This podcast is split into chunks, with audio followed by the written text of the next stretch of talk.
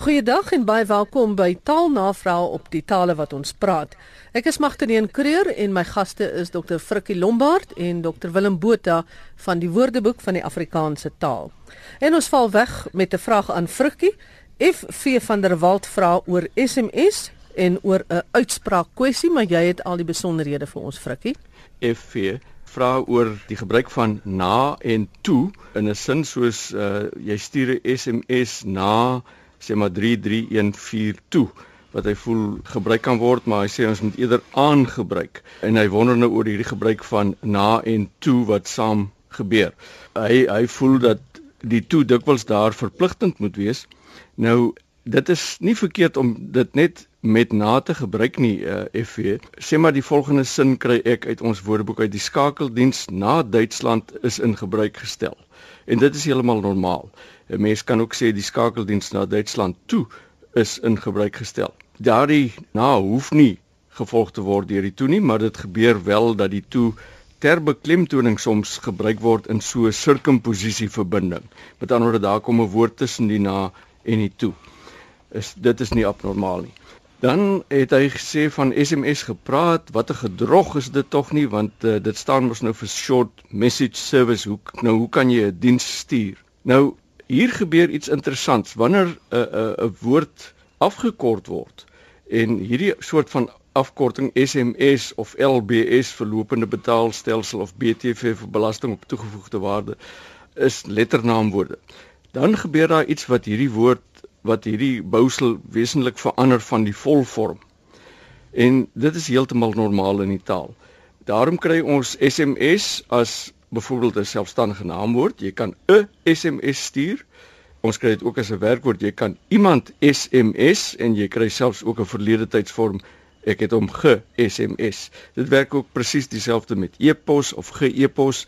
E-pos kan ook as 'n substantief maar ook as 'n werkwoord optree. Dit is 'n normale proses. Ons ons hoef dit nie meer te bevraagteken nie en dit staan in die WAT. Dit kom ook voor in die in die Afrikaanse woordelys en spelreëls. Nou dan oor die uitspraak, uh, de, ek vermoed dat dit ek was wat gesê het vokaal uh, en hy sê moet dit nie eintlik vokaal wees nie, ai tog. Nou ek was uh, bereid om 'n paar heil merries te loop opsê en opstoot te doen uh, as straf, maar uh, toe het ek tog bietjie rondgevra en al my kollegas sê eintlik vokaal en met 'n w dis uitspraak nie vokaal nie. En vokaal is om die waarheid te sê kom in die minderheid gevalle voor. Dit is nie verkeerd om enigiemand van die twee te gebruik nie. Ek het dit ook vasgestel in die uitspraak woordeboek waaroor ons in Afrikaans tans beskik albei is normaal. Ek vind dat meer mense sê vokaal. Iets wat ek net gou wil vra na aanleiding van waaroor jy nou gepraat het. Ek kry ook baie keer dat mense terugvoer gee en sê uh, hulle hoor baie keer oor die radio mense sê ek gaan saam jou. Ek gaan mm. saam jou gesels en ja. dan kyk ons wat gebeur of ek gaan saam jou Pretoria toe en dan kom ons weer terug. Ek dink dit is ietsie wat wat uh, die meeste mense wat met die taal werk en wat ook raad gee in verband met taal nog vreeslik die gemoedere opjaag want dit is nie normaal nie. Daar is die met verpligtend. Ek gaan saam met jou. Daai saam jou, ek weet nie waar dit ontstaan het nie, maar mense hoor dit en uh, dit is vir my nog steurend. Ja, hy klink nog ongemaklik. Dit klink ja. asof daar iets kort kom. Ja, ja. Is daar 'n voorsetsel woordeboek waar mense hierdie goedes kan naslaan? Daar is inderdaad 'n voorsetsel woordeboek beskikbaar. Hy is uh, by ons op die rak. Ek het nou nie die fynste besonderhede daaroor nie. Ek kan volgende keer kan ek bietjie vir die luisteraars meer daaroor vertel dalk. Goed, Willem Sakkie Badenhorst van Pretoria skryf dat hy die terme social engineering en spatial engineering met sosiale generering en ruimtelike generering vertaal het in die departement van stads- en streeksbeplanning van die Universiteit van Pretoria, maar hy is van mening dat daar 'n leemte aan 'n geskikte vertaling is of was. Hy meen seker hy het nou 'n oplossing gekry. Help hom. Sakkie dis baie interessant. Sakkie reken dat as jy nou so sê sosiale intervensie of sosiale ingryping of sosiale manipulasie, laat jy nie reg geskied aan die positiewe element van die begrip nie. En as ons nou gaan kyk wat is uh, sosiale manipulering of uh, sosiale ingryping, dan is dit 'n praktyk of uh, wette wat gemaak word om die openbare opinie te beïnvloed en om sodoende sosiale probleme op te los of sosiale omstandighede te verbeter. So dit kan negatief of positief wees. I mean apartheid was 'n voorbeeld van uh, sosiale manipulasie wat wat redelik negatief was en in Amerika het jy busing gehad waar jy gehad het dat kultuur uh, kinders van 'n sekere kultuurgroep per bus vervoer is na skool met uh, kinders van 'n ander kultuurgroep. Dit was gedwonge uh, integrasie wat as busing bekend gestel word. Nou beide hierdie is voorbeelde van sosiale manipulasie wat jy sekere mense gedrag en bewegingspatrone probeer beheer. Donald Trump is op die oomblik besig met sosiale manipulasie met sy sluiting van die grense vir Amerika vir die burgers van sewe verskillende lande. Maar dit kan ook positief wees. So dit is uh, interessant dat die woord genieer in genieering is in die Woordeboek van Afrikaanse taal, maar dit is daar nog beperk tot wat 'n ingenieur doen. Genieer word beskryf as as 'n ingenieur aanlê of as genie as ingenieur bou, bestuur of werksaam wees maar daar is ook 'n term uh, goed gevestig nou bekend as sosio-genering of sosio-genering en dit is presies wat Sakkie gedoen het met sosiale genering. So hy word in 'n mate gelyk gegee met 'n nuwe term wat ons nou het behalwe sosiale manipulasie is ook sosio-genering. Wat betref ruimtelike spasie uh, genering, spatial engineering, ek dink dis 'n suiwer ingenieurssaak en daar is sy term dink ek heeltemal aanvaarbaar. Ruimtelike uh, generering hier sou ook kan praat van ruimtelike ingryping want dit gaan hier oor die vind van ingenieursoplossings vir grootskaalse ruimtelike probleme. Byvoorbeeld die verspreiding van beperkte natuurlike hulpbronne die hantering van natuurrampe of die beheer van onbeplande ontwikkeling van megastede. So Sakkie ek dink jy is heeltemal in die kol maar sedertdien het daar 'n nuwe term ontwikkel sosio-genering wat eintlik dan aansluit by jou skepping. Leon de Lange vra dat daar oor oogseer en seer oog gepraat word. Ek weet nou nie of dit seer oog aparte woorde of een woord is nie, maar kom ons hoor wat sê jy Frikkie. Ja, Leon skryf hier as far as my Afrikaans knowledge goes, something not appealing or unsightly to you is an oogseer and a seer oog would be an actual eye that is sore.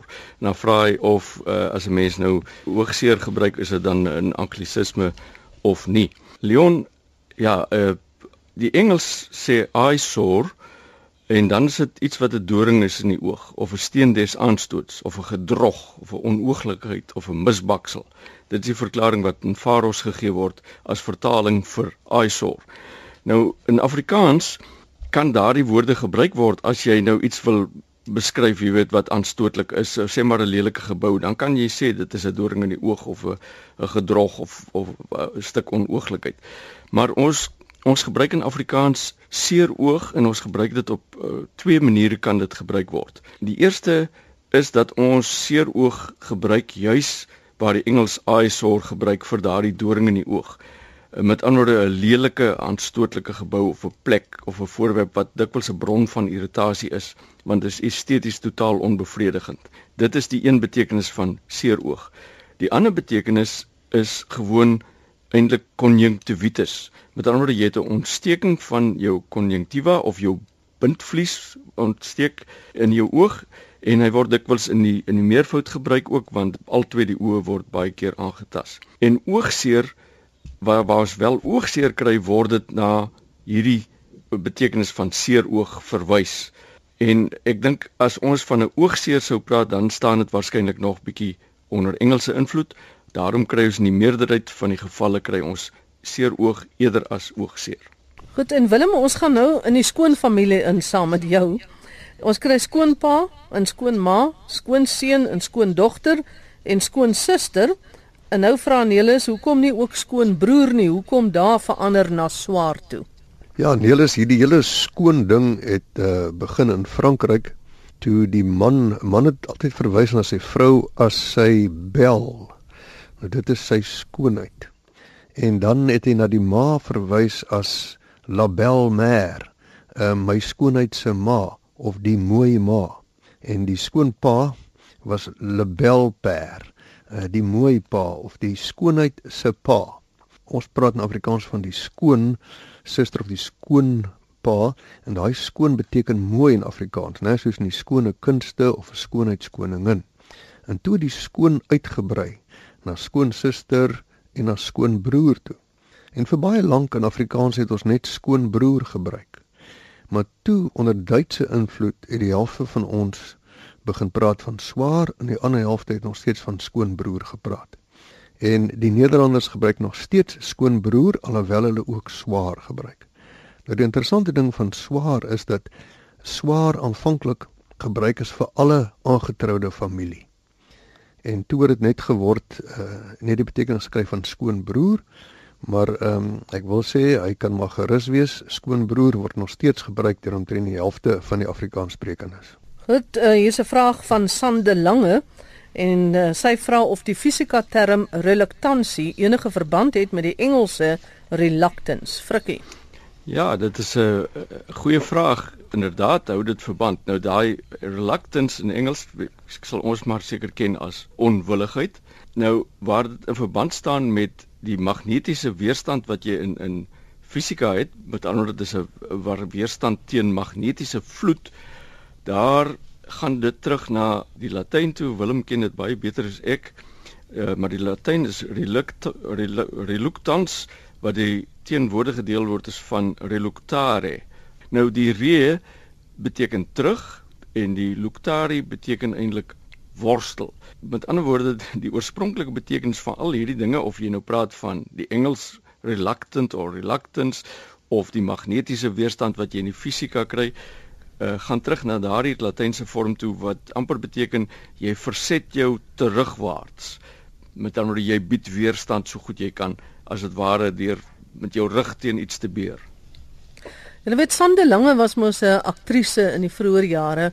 Mm. Ek kan haar nou nog so voor my sien. Ja, ek ook, ja. En uh, ek weet nie of dit in die Babs Lyker of in die Wena Nodee era was nie, maar ek onthou vir Sande Lange. Rika Crichton sê sy het altyd gedink 'n telg is 'n niks werd of 'n slegte persoon. Sy het egter lanklaas hierdie woord gehoor en vra of sy korrek is dat die woord altyd in 'n negatiewe betekenis gebruik word. Willem help vir ons. Ja, Rika, kom ons uh, gaan terug na die begin van uh telg. Nou oorspronklike telg beteken 'n lood of 'n steggie, maar hierdie betekenis is nou heeltemal verouderd.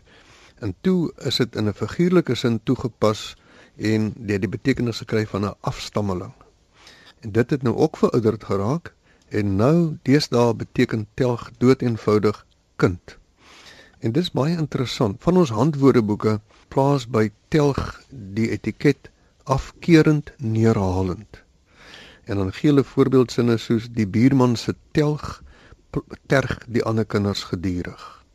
Of ouers wat niks verkeerd sien in hulle telgie se optrede nie.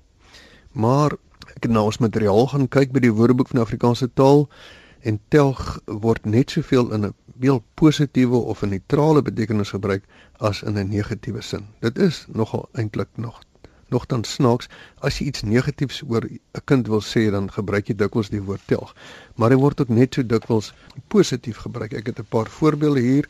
Ek gaan haal uit ons materiaalversameling uit 'n boek van Gert Pretorius van 1963 En wat van Hannesie? Het ek gevra en na ons jongste telgie gewys. En wie gaan nou na hom kyk? En 'n uh, ander een uit die burger van 1987, die plaasmense, mans en vrouens en al hulle telge het 'n kring gevorm om die nuwe motor. So hy word negatief en positief gebruik, maar interessant genoeg tog as jy iets negatief wil sê veral van iemand anders se kinders, dan gebruik jy as mense geneig om die woord telg te gebruik. Frikkie Klemstein wil weet of ons die volgende uitdrukking ken. Sy oog of oë hang van trots. Ja, uh, oom Klem sê volgens die WAT is jy vaak as jou oë hang. Nou ek ken ook uh, mense wat as hulle lekker aangeklam is, dan hang hulle oë ook maar so bietjie. En terloops, die aanklam se se eerste betekenis is eintlik dat jy iets nat maak. Nou hierdie mense is dan heel goed nat gemaak met drank. Maar oom Klem sê sy mense in Brandfort se omgewing het uh, hy dikwels hoor sê hy so trots sy oë hang net daar. En toe sê hy 'n ou vriend het onlangs vertel hoe goed sy seun vaar in sy werk en selfs sy eie vliegtyg het en dit het my dadelik opgeval hoe hy net afkyk en sy oë letterlik gehang het toe hy so spog. Nou ek kan nogal dink dat 'n mens as jy nou so staan spog dat jy darm so 'n mate van uh jy weet inhouding moet vertoon deur so 'n bietjie af te kyk. Beskeidenheid. Beskeidenheid uh, presies. Maar oom Klem, ek het ongelukkig in die in die woordeboek en by kollegas het ek nie gehoor dat hulle die uitdrukking ken nie. Miskien kan 'n mens tog ook maar vra dat as ander luisteraars hierdie uitdrukking ken dat hulle ons net laat weet daarvan. Nou Ludwig Visser vertel dat 'n emeritus predikant vriend onlangs die woord amanuens, nou weet ek nie of ek dit reg uitspreek nie, gebruik het en toe verduidelik het dat dit iemand is wat namens iemand anders skryf. Hy kry egter nie die woord in woordeboeke nie en nou vra hy vir ons 'n bietjie meer agtergrond daaroor. Ja, Ludwig, ek dink die rede hoekom jy nie die woord amanuense in die WAT kon kry nie is omdat die korrekte vorm is eintlik amanuensis. Miskien het jou predikant vriend verkeerd gepraat of was dit bietjie vinnig. Nou Of dit was nagmaal. Nou, nou amanuensis volgens die WAT is soos jy sê 'n geletterde slaaf wie se werk dit was om presies op te skryf wat vir hom gedikteer word of om af te skryf wat 'n ander reeds geskryf het. En uh, Ludwig verwys reg daarna dat Paulus dikwels uh, sy Bybelbriewe afgesluit het deur te sê dat hy nou hier met sy eie hand skryf waarmee hy impliseer dat die res van die brief namens hom deur iemand anders geskryf het. Nou oor die agtergrond van die woord, dit kom uit Latyn. Uh die Emmanuensis is eintlik a manu wat beteken deur die hand en ensis beteken wat behoort aan. En dan moet jy daarby veronderstel servus, slaaf. Met ander woorde wat behoort aan die hand van 'n slaaf. So dit is eintlik geskryf deur 'n hand wat behoort aan 'n slaaf. Dieselfde manus kry ook in manuskrip. Manuskrip bestaan uit manus wat hand is en skripto wat skryf is. So manuskrip is 'n geskrewe dokument. Goed dan 'n laaste vraag wat ons vandag kan hanteer is van JPNL wat vra dat ons 'n bietjie gesels oor kon moes en nie enige. Nou het nie 'n konteks gegee nie. Ehm um, sal julle vir ons Ek actually konteks verskaf Magdalene. Goed. Nee, JP sê ek ek lees in die koerant van vorige Grand Slam eindstryde tussen sê maar Nadal en Federer kon Federer net twee keer wen. En nou sê hy maar om enige misverstand te vermy moet jy eintlik sê het Federer net twee keer gewen. Nou JP hier het 'n mens nou te doen met die sogenaamde modale hulpwerkwoorde met antwoorde dit is uh, hulpwerkwoorde waarmee 'n mens uh, wens of 'n vermoede of 'n moontlikheid ensovoorts noem. Die konteks is hier ook belangrik daar's verskillende maniere waarop 'n mens kan en kon kan verstaan. As 'n mens nou sê tussen die spelers kon Federer net twee keer wen dan kan jy daarmee suggereer hy was net in staat daartoe om twee keer te gewen het. En daar verskil dit dan van het Federer net twee keer gewen waar dit net gewone feitelikheid is hy het dit uit soveel keer gewen. 'n Mens sou ook oor sê maar verlede Sondag se wedstryd kon sê Nadal kon wen en daarmee sou jy dan eintlik wou sê hy sou kon wen. Dit kon net sowel Nadal gewees het wat wen. Hierdie modale hulpwerkwoorde kan baie interessant werk. Sê maar jy kry die sinnetjie hy kan wen en dan veral met die nodige klem as jy sê hy kan wen dan beteken dit min of meer hy weet hoe om te wen. Dis as dit ware gewoonte by hom is vasgelê dat hy kan wen. Of hy kan wen beteken kan beteken hy is in staat om te wen. Of hy kan wen dan bestaan die moontlikheid dat hy kan wen. Die goeters werk dus so op op 'n skaal en dit sorg vir verskillende betekenisse in verskillende kontekste. Hy vra ook oor moes sê maar die sinnetjie is hy, hy moes die veld verlaat. Nou wat vra hy wat bedoel die skrywer hier? Dit is 'n baie geldige vraag want dit kan verskillende goed beteken. As jy sê hy moes die veld verlaat, dan kan dit wees dat dit 'n versoek of 'n opdrag was. Iemand het vir hom gesê man, gaan van die veld af. Dit kan ook wees as gevolg van omstandighede. Hy moes die veld verlaat want hy is beseer. Jy sou ook kon sê hy moes die veld verlaat, beteken met aanvulling soos hy moes maar liewer die veld verlaat. Dit sou beter gewees het as hy die veld verlaat het. Die dinge werk dus met verskillende betekenismoontlikhede en die konteks eh, sowel as die soort van klem wat jy gee bepaal uh, uiteindelik die betekenis van die saak dan sê JP ook hy hoor dikwels nie enige nie wanneer geen bedoel word en hy gee 'n voorbeeld nie enige speler het Saterdag sy kansse benut nie. Hy sê is dit nie beter as geen speler het Saterdag sy kansse benut nie? Ek stem daar saam met met JP ek sou beslis verkies dat 'n mens sê geen speler nie as nie enige nie Goed baie dankie aan Dr Willem Botha en eh, Dr Frikkie Lombard vir vandag se bydrae by die tale wat ons praat, se taalnavraag. En as jy 'n vraag ingestuur het en ons het nou nie vandag daaroor gesels nie, dit sal met die volgende opname wel gedoen word. Groete tot 'n volgende keer.